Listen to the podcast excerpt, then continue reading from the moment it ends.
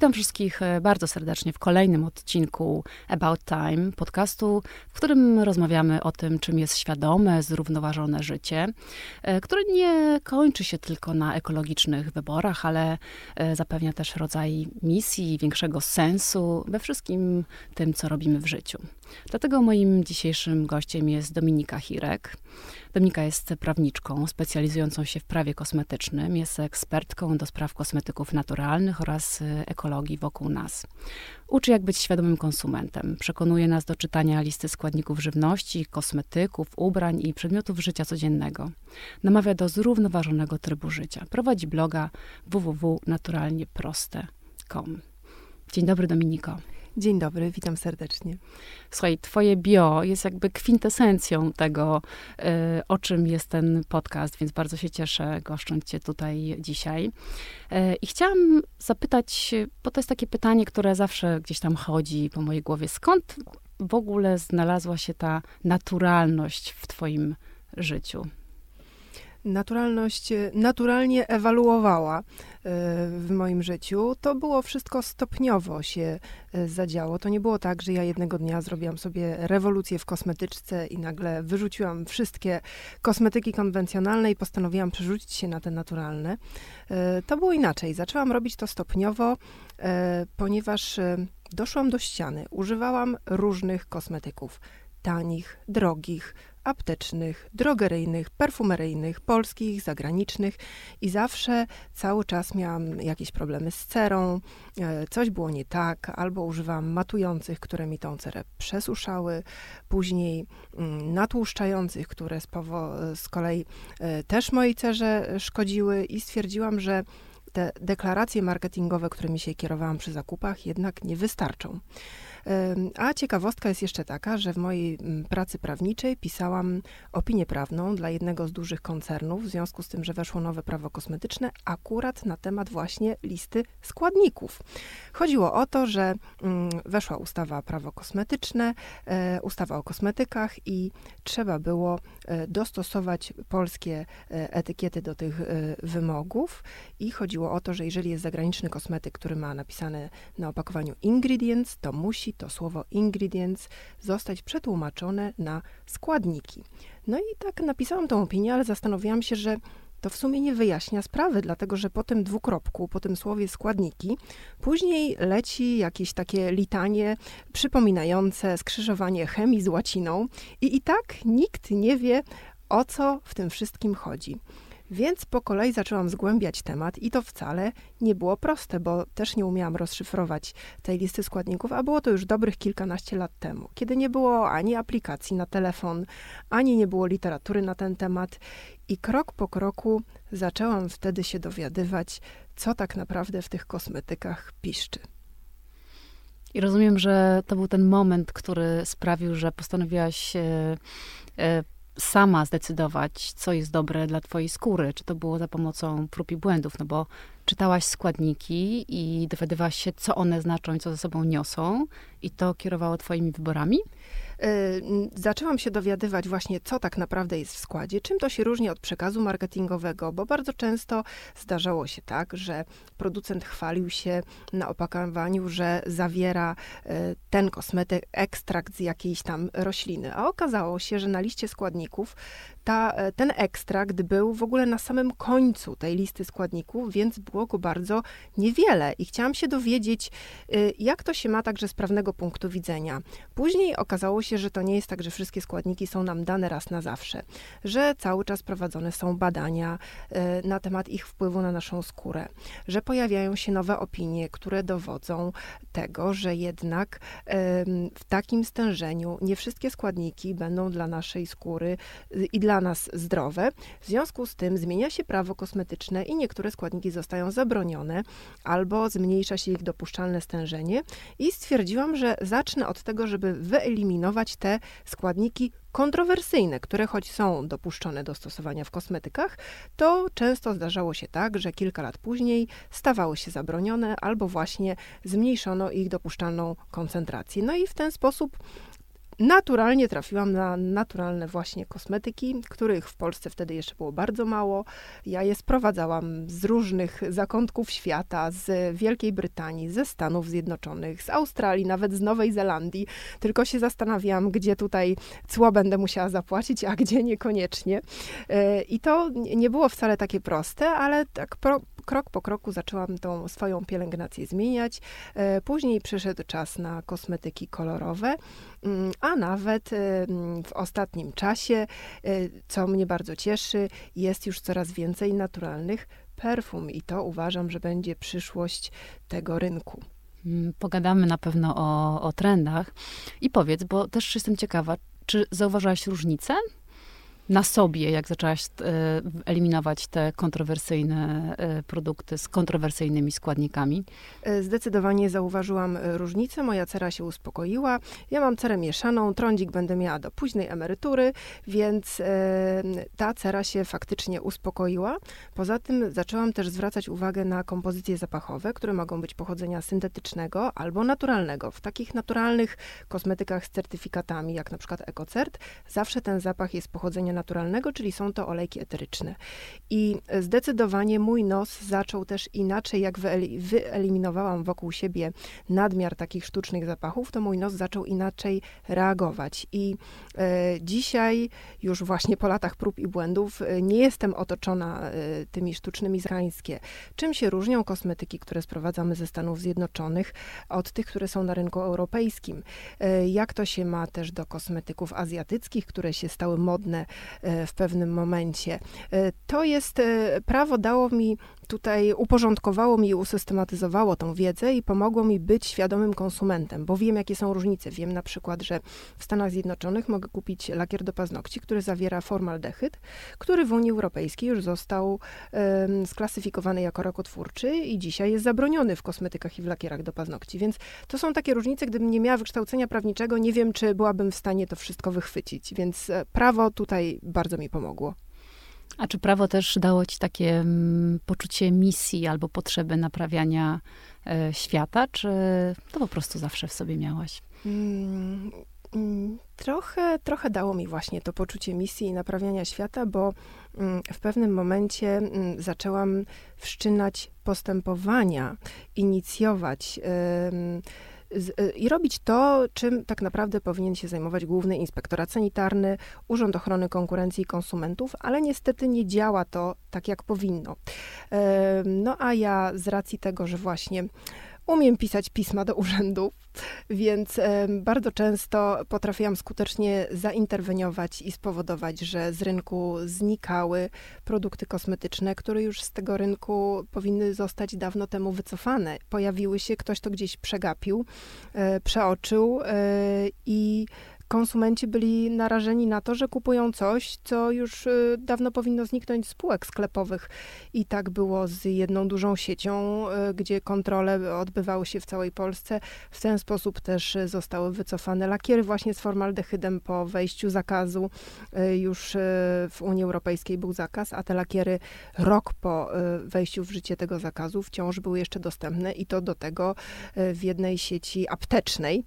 Więc faktycznie obserwuję, a jestem tylko jedna sama, więc ile jest jeszcze rzeczy, których y, nie wykryłam, y, które y, powinny zostać no, przynajmniej jakoś odpowiednio sprawdzone, więc to pokazuje, że tutaj ta moja misja, jeszcze mam dużo rzeczy do zrobienia, i, e, ale teraz jest o tyle fajnie, że pomaga mi moja społeczność i różne osoby mi podsyłają i się pytają, słuchaj, a tutaj jest, e, pisałaś, że ten składnik już został wycofany, a ja widziałam w sklepie takim i takim, że jednak jest tu kosmetyk i proszę bardzo, oto zdjęcie z tą listą składników. Mówię, no faktycznie powinien zostać wycofany, więc proszę bardzo, piszemy pismo do kolejnego sanepidu, Kontrola została wszczęta, y, wszystko zostało zabrane z półki, no i dzięki temu konsumenci już nie będą narażeni na to, żeby kupować coś, co, y, co już tak naprawdę nie powinno funkcjonować na rynku.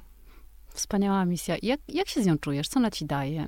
Satysfakcję, daje szczęście? Mi, daje mi bardzo dużą satysfakcję i daje mi takie poczucie, że robię coś, e, że robię coś dobrego, że e, pomagam innym i cieszę się, że coraz więcej osób e, staje się takimi świadomymi konsumentami i czytają tą listę składników, bo dzięki temu jesteśmy w stanie lepiej dokonywać tych wyborów zakupowych, no bo zawsze lepiej jest wiedzieć więcej, więc ja dzielę się tą moją wiedzą po to, żeby mm, i mówię wszystkim, że nie zawsze warto kierować się tylko i wyłącznie przekazem reklamowym, ale żeby właśnie y, sięgać głębiej. Zachęcam też do pisania, jeżeli czegoś nie wiemy, mamy jakieś wątpliwości, trzeba napisać do producenta.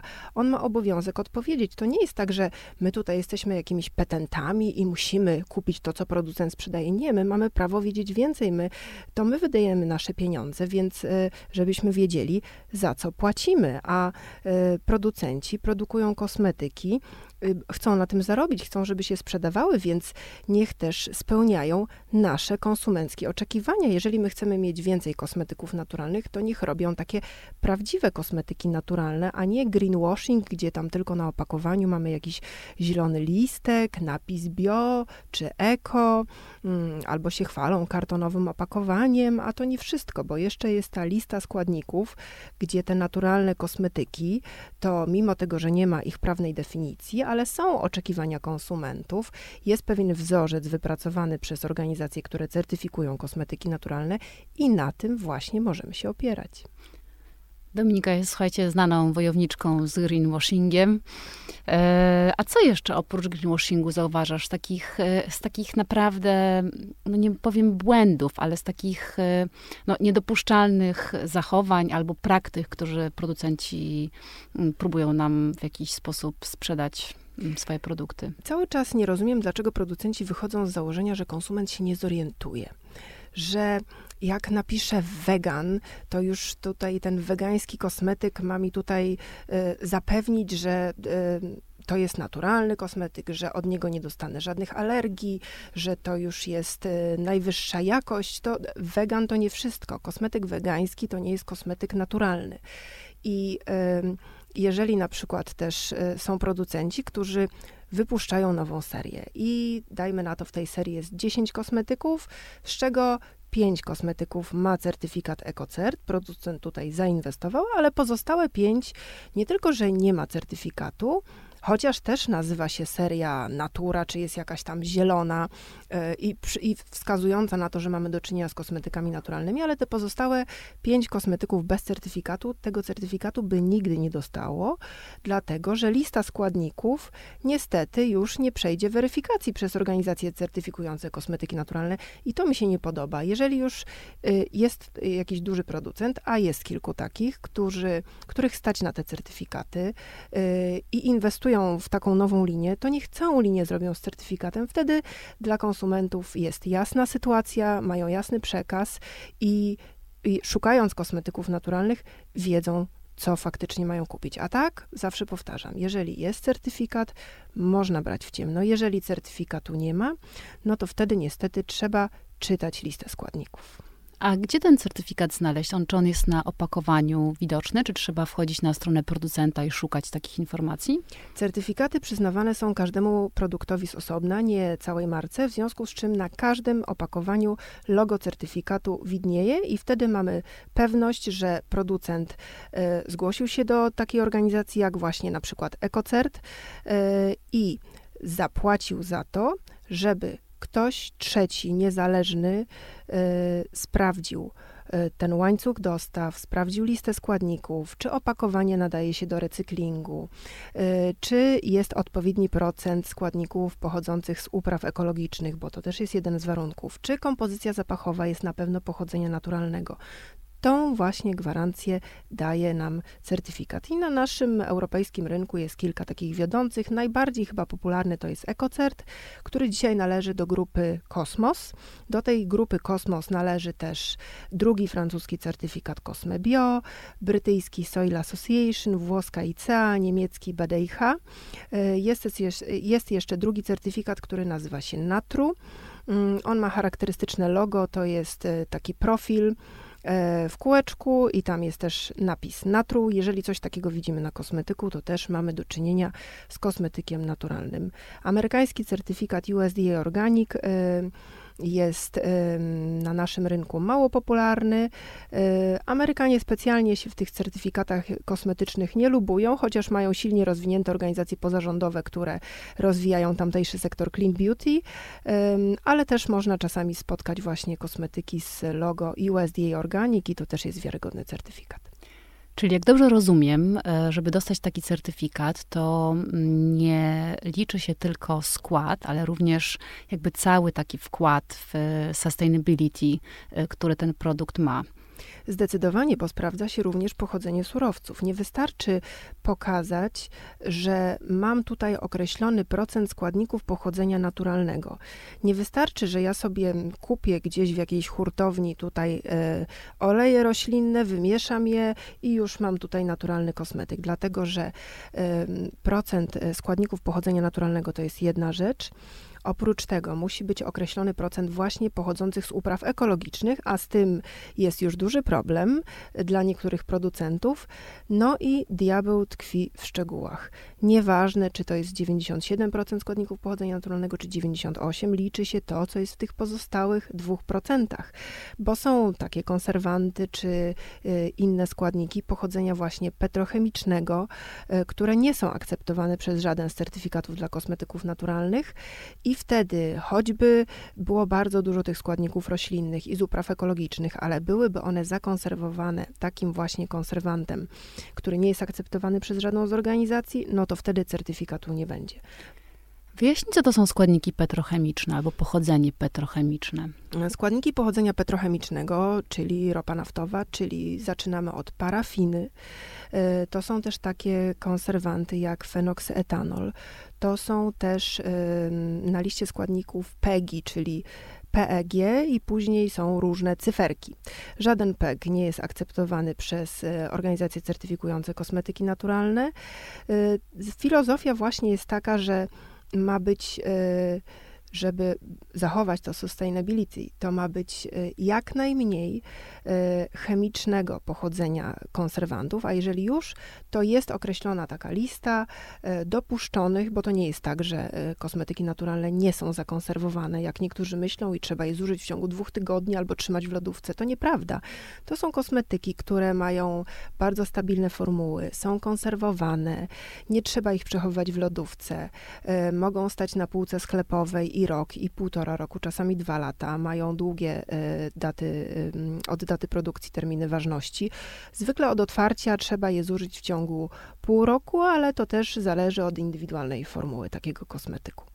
Ciekawe jest to, co mówisz, że tak naprawdę ten diabeł tkwi w szczegółach i trzeba zwracać uwagę na te 2% albo ten 1%, który jest poza tymi naturalnymi składnikami, że to tak naprawdę ten 1% może zaważyć o jakości tego, mm, tego produktu. A powiedz, bo też mówisz o bardzo interesującej rzeczy, o tej różnicy, o tym takim trochę kłamstwie pomiędzy e, tym, co e, mówi się w tym, w tym takiej informacji marketingowej, a w stanie faktycznym. Czy ty spotykasz się z takimi firmami, które są konsekwentne, czyli ich e, informacja marketingowa e, pasuje de facto do, do stanu faktycznego produktu, czyli jakości produktu. No, takie filmy lubię najbardziej. Zwykle jest tak, że jeżeli producent ma się czym pochwalić, czyli tymi składnikami pochodzenia z upraw ekologicznych, czy w ogóle jakimiś wyjątkowymi wyciągami, to producent się tym chwali.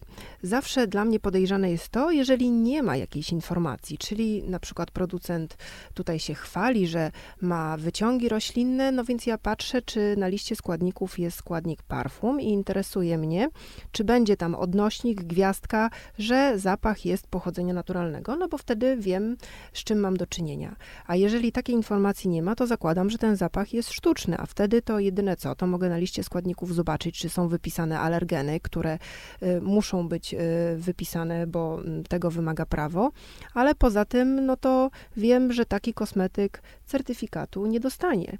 I są też producenci, którzy doskonale zdają sobie z tego sprawę, ale używają takiego przekazu, że y, nasz kosmetyk właśnie ma taki przyjemny zapach, na przykład mango, dla przyjemności używania ale nie przeszkadza im to mówić, że jest to kosmetyk naturalny, bo przecież pachnie, y, ma zapach mango. A zapach mango nigdy nie będzie pochodzenia naturalnego, ponieważ zawsze jest to zapach sztuczny. Podobnie jak zapach truskawki, y, czy y, wiele takich zapachów, które wydaje nam się, to nie musi być tak, że kosmetyk nienaturalny będzie pachniał gumą balonową, bo to od razu nam się kojarzy z jakąś chemią, ale właśnie mango, czy truskawka, czy poziomka, to nie są naturalne zapachy, nie da się ich wyekstrahować. Mm, są pewnego rodzaju zapachy, które choć przypominają nam właśnie tutaj różne nazwy owocowo-roślinne, to z owocami i z roślinami mają niewiele wspólnego, bo pochodzą z laboratorium. Super ciekawe. Nie wiedziałam o tym, że nie da się wyekstrahować zapachu mango albo truskawki. A powiedz, y, kim jest w takim razie dla ciebie mm, ten świadomy konsument, czyli trochę ta osoba albo społeczność, o którą tak walczysz? Świadomy konsument to jest dla mnie taka osoba, która y, idąc na zakupy, nie kieruje się tylko reklamą, promocją i tym przekazem marketingowym, tylko jest bardziej dociekliwa i zmusza producentów do tego, że jeżeli oczekuje naturalnych formuł kosmetycznych, to y, swoim głosowaniem, swoimi zakupami głosuje za tym, że tak, te kosmetyki są naturalne i te chcę kupować, a tamtych, które no, stosują greenwashing i udają tylko naturalne, nie będę kupować, bo y, wiem, że tutaj wy nie spełniacie tych moich oczekiwań i chcę, żebyście te swoje składy po prostu poprawili, żeby były bardziej naturalne. A jak nie, no to nie próbujcie używać tego przekazu marketingowego bio i eko, tylko po prostu produkujcie sobie kosmetyki konwencjonalne, które też przecież normalnie na rynku funkcjonują, mają się świetnie, tylko nie udawajcie i, i nie próbujcie się tutaj podłączyć pod ekotrend ten konsument, słuchajcie, brzmi jak koszmar dla większości producentów, tak naprawdę. Ale to, e, ale to nie jest e, tak do końca, bo są badania, które są przeprowadzane w Polsce, badania marketingowe w Europie, y, na świecie, które wskazują na to, że coraz więcej konsumentów chce kosmetyków naturalnych. Pandemia jeszcze bardziej ten trend tutaj podkręciła, bo bardziej y, skupiliśmy się na sobie, na swoim zdrowiu psychicznym, y, fizycznym, zatrzymaliśmy się, doszliśmy do wniosku, że jednak nie jest wcale najważniejszy super permanentny makijaż i wyjście wyjście z domu, bo y, zamknięci na lockdownach y, założyliśmy dresy i wszyscy sobie przypomnieli o różnych maseczkach, które w domu gdzieś tam zalegały, żeby sobie e, jakoś zrobić domowe spa, no bo inne były zamknięte, więc to jest tak, że e, coraz bardziej chcemy po tym takim szalonym konsumpcjonizmie z lat 90., którym się zachłysnęliśmy, teraz mamy e, taki trend powrotu do tej natury, żeby jednak skupić się, nie, nie gonić za osiągnięciami e, z laboratorium naukowo-chemicznymi, bo nie zawsze do końca to nam służy. I też jest drugi trend takiego minimalizmu kosmetycznego, bo się okazało, że zwłaszcza kobiety, które używają rano kilka, kilkanaście różnych kosmetyków, e, pielęgnacja, makijaż, wychodzą z domu, perfumy, poprawka pomadki, e, później puder, wieczorem znowu jakieś zabiegi kosmetyczne i się okazało, że tych kosmetyków tyle używamy, że jesteśmy narażeni na coraz więcej alergii. I to niestety jest spowodowane przez właśnie różne chemiczne składniki, którymi te e, kosmetyki były konserwowane. I e, ten wysyp alergii był tak duży, że właśnie zaczęła reagować Komisja Europejska i e, przy, przyglądać się tym alergenom. Część z nich została zabroniona, na przykład jest taki alergen o skomplikowanej nazwie metyloizotiazolinon, y, który mm, dostał tytuł alergenu roku w 2013 roku przez Amerykańskie Towarzystwo Dermatologiczne i był dopuszczony do stosowania we wszystkich kosmetykach. I jak się, jak konsumenci odkryli, że parabeny nie są takie fajne, bo też są wokół nich różne kontrowersje, to producenci, ok, dobra, wycofujemy parabeny, to będziemy konserwować teraz metyloizotiazolinonem. No i się okazało, że stał się on tak powszechny, że zaczął e, wywoływać tyle alergii, że Komisja Europejska mówi: O nie, stop, musimy zareagować, bo już mamy tutaj społeczeństwo, które e, po prostu za dużo tych alergii łapie, więc e, zmieniamy prawo. I metyloizotiazolinon został zabroniony w kosmetykach niespłukiwanych, a więc w kremach, balsamach do ciała został jeszcze w mydłach płynie, w szamponach i zostało zmniejszone jego dopuszczalne stężenie, ale to nie oznacza, że on dalej nie wywołuje alergii. Są osoby, które są uczulone na ten składnik i one szczególnie go unikają, ale to uczulenie wzięło się też z, właśnie z ilości tych kosmetyków, jakich używamy. Więc na to właśnie trzeba zwracać uwagę i takich składników w kosmetykach naturalnych nie znajdziemy. Tak, to piękne, co mówisz, że rzeczywiście ten czas COVID-u trochę y, wymusił na nas y, rodzaj introwertyzmu i takiego spojrzenia w głąb i zastanowienia się, co tak naprawdę potrzebujemy, co jest wartością w naszym życiu. I też fajne jest to, że nagle się okazało, że też te zewnętrzne objawy tej opiekowania się sobą, czyli to, że jednak mamy szacunek do swojej skóry nie, nie nadużywamy albo używamy wysokiej jakości kosmetyków, że też sprawiło taki rodzaj opieki nad sobą. Myślę, że to fajnie myśleć o tym w ten sposób. A powiedz, tak. Mm, a powiedz, bo to jeszcze mnie zaciekawiło, czy ta pula konserwantów na rynku jest jakoś ograniczona, czy jednak na przykład cały czas trwają badania i oni wymyślają nowe rzeczy, które no, de facto pewnie są tak nie do końca zbadane, prawda? I są traktowane jako eksperymenty i de facto na ludzkości. Badania trwają cały czas. Przed wprowadzeniem jakiejkolwiek substancji na rynek e, te badania są faktycznie gruntowne i tutaj nie ma się co obawiać. E, Komisja Europejska dmucha na zimne i tego pilnuje. Co nie zmienia faktu, że faktycznie zdarza się tak, że jeżeli właśnie jakiś konserwant stanie się popularny i wielu producentów zacznie z niego korzystać, bo jest tani, bo powoduje, że e, kosmetyk może stać na półce 2 czy 3 lata i nic się z nim nie dzieje, a więc producent ma problem z głowy.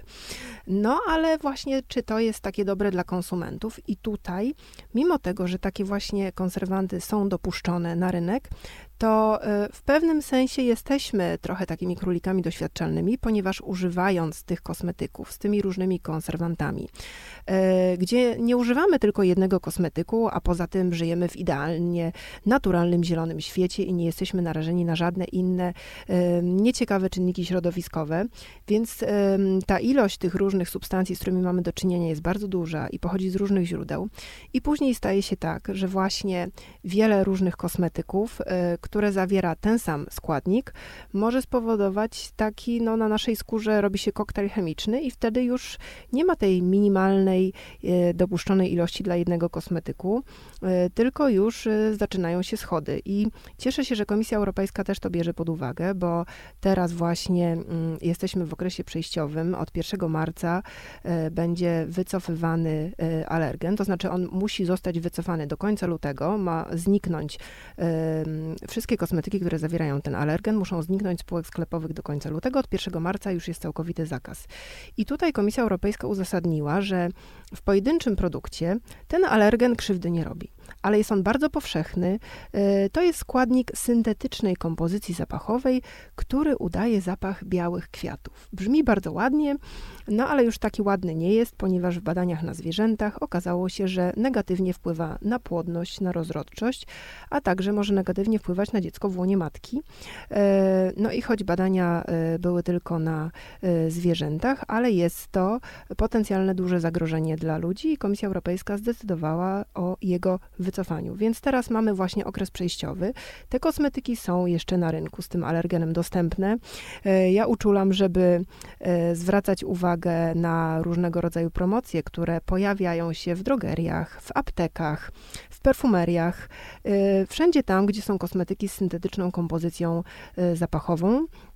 Ten alergen nazywa się butylfenylmetylpropional też skomplikowana nazwa. Inna jego nazwa to Lilial.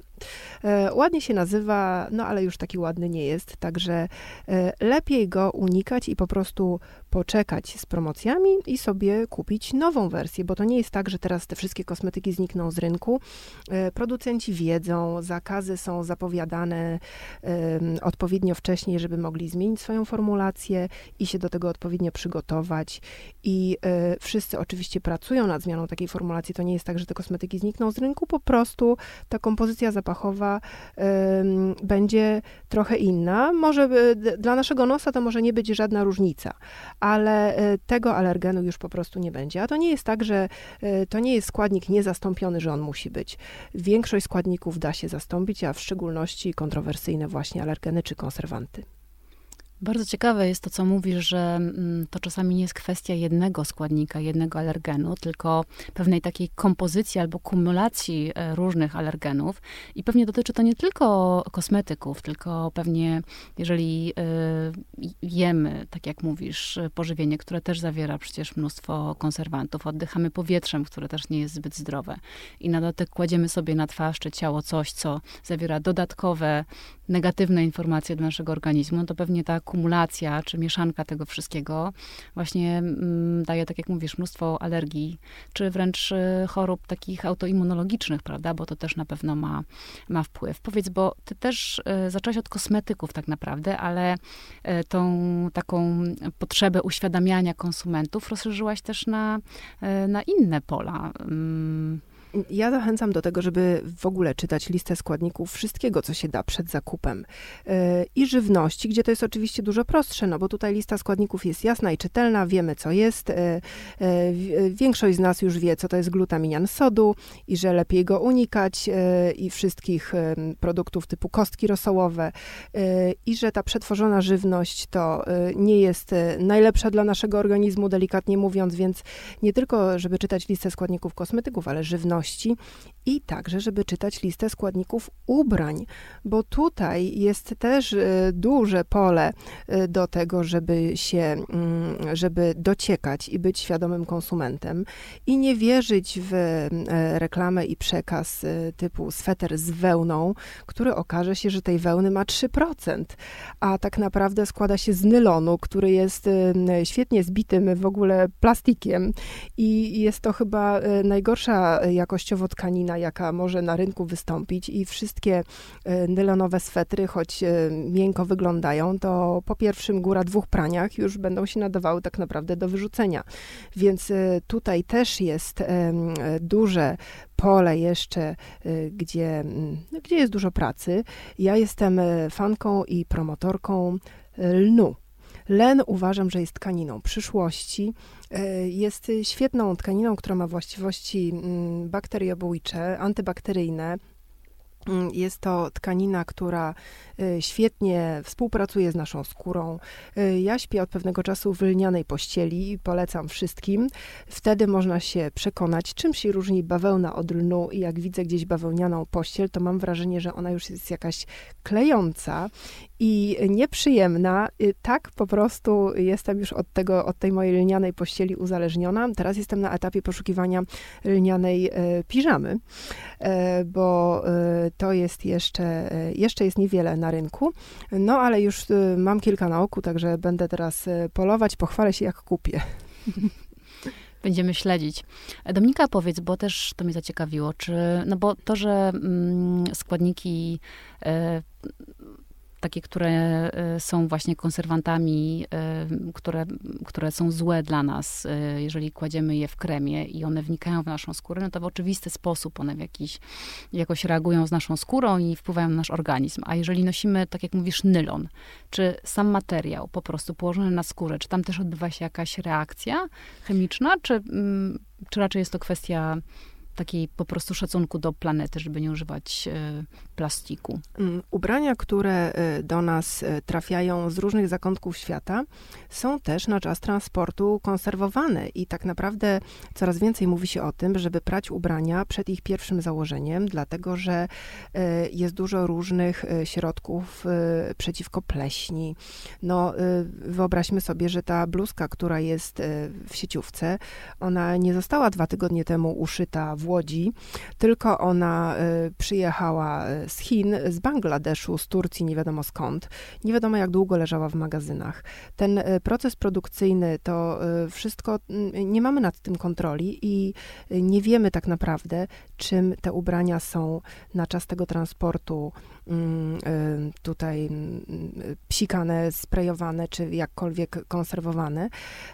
To jest jedna rzecz. A druga rzecz to te wszystkie materiały, materiały takie właśnie sztuczne przede wszystkim nie są oddychające i dla naszej skóry to nie jest dobre. Oczywiście nie da się całkowicie zrezygnować z poliestru czy z poliamidu, bo są też świetne ubrania sportowe, no, które nie wyobrażam sobie, żeby były tylko z bawełny czy z wełny, ale tutaj już trzeba samemu zweryfikować jakość producenta i też dopytywać, dociekać, e, skąd to się bierze, jak to wygląda, więc to nie jest tak, że ja chodzę tylko w rzeczach bawełnianych, wełnianych, jedwabnych i lnianych, e, bo chociaż to są e, naturalne, fajne materiały, które lubię, to nie wszystko tak się da.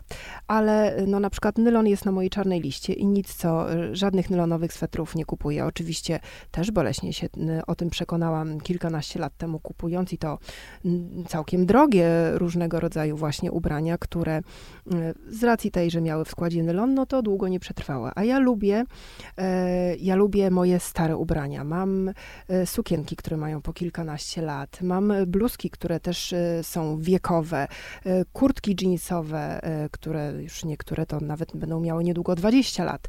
Mam wełniane spódnice i uwielbiam rzeczy, które są po prostu trwałe. Ja staram się wybierać takie właśnie jak najbardziej klasyczne tego typu ubrania, które nie zmienią się wraz z nowym trendem na nadchodzący sezon, ale takie, które właśnie będę mogła przez długi czas nosić. No i tutaj też trzeba o nie odpowiednio dbać. Jeżeli e, trzeba je prać ręcznie, to ja ich do pralki nie wkładam, chociaż wiem, że są teraz już takie programy, które mm, nie niszczą, ale jednak jeżeli mam jakiś kaszmirowy sweter, to wolę nie ryzykować po prostu. I mam też taki, który już ma z 8 czy 9 lat, nic mu nie dolega, no ale cały czas jest prany w ręku. No i skoro już jesteśmy przy praniu, to jeszcze dwa słowa o płynie do płukania tkanin. Nie używam w ogóle płynu do płukania tkanin, nie tylko ze względu na jego e, silne, sztuczne zapachy, e, których nie lubię, ale też zamiast płynu do płukania tkanin używam octu spirytusowego. Wiem, że zabrzmi to kontrowersyjnie i od razu wszystkim nasuwa się, większości osób nasuwa się pytanie, czy ubrania nie śmierdzą octem? Absolutnie nie śmierdzą octem. Mało tego, ten ocet właśnie wypłukuje. Jeżeli mamy jakieś syntetyczne dodatki, te wszystkie mikroplastiki, te wszystkie chemikalia, którymi mogą być nasiąknięte nasze ubrania, ocet to doskonale wypłucze. E, oczyści tak naprawdę świetnie nasze ubrania. E, nie ma się co bać, że e, w jakikolwiek sposób zniszczy ubrania, czy że ten zapach zostanie, ale można sobie dodać też kilka kropli olejku eterycznego. Ja po prostu tam do tej przegródki, gdzie się wlewa płyn do płukania, wlewam trochę octu, dolewam trochę wody i e, do tego kilka kropli olejku eterycznego i to jest mój płyn do płukania i w ten sposób e, piorę tak bardzo dużo różnych rzeczy i wszystkie mają się świetnie. Bardzo dziękuję osobiście za tą radę, ponieważ y, moja córka ma alergię i muszę prać właśnie w proszkach, które kompletnie nie mają y, zapachów i mam taką tęsknotę za tym, żeby jednak te ubrania wyjęte z pralki miały jakiś zapach, więc y, dzisiejsze pranie zrobię z olejkiem eterycznym oraz octem spirytusowym, o ile taki mam w domu. Dominika, tak na koniec, powiedz, czy ty myślisz, że w ogóle jest możliwy taki świat świadomego konsumowania wszelkich, y, wszelkich y, dóbr? Czy w którą stronę to zmierza? Jakie są, jakie są trendy według ciebie? Myślę, że jest, e, e, że to jest trend, że my coraz bardziej jesteśmy e, świadomym społeczeństwem i świadomymi konsumentami, dlatego że mamy dostęp do informacji. Kiedyś trzeba było szukać w encyklopedii, nie było internetu, ewentualnie przeczytać w książce. Dzisiaj ten dostęp do informacji jest dużo łatwiejszy. Oczywiście trzeba tutaj oddzielić ziarno od plew, no bo niestety też w, w sieci jest dużo um, niewiarygodnych, niesprawdzonych informacji, ale jednak ten dostęp do rzetelnej informacji jest dużo łatwiejszy łatwiejszy niż kiedyś. I myślę, że coraz bardziej będziemy świadomymi konsumentami. Można też spojrzeć na naszych sąsiadów, na Niemcy. To jest bardzo świadome społeczeństwo, które, jeśli chodzi o kosmetyki naturalne, oni są dużo bardziej zaawansowani od nas.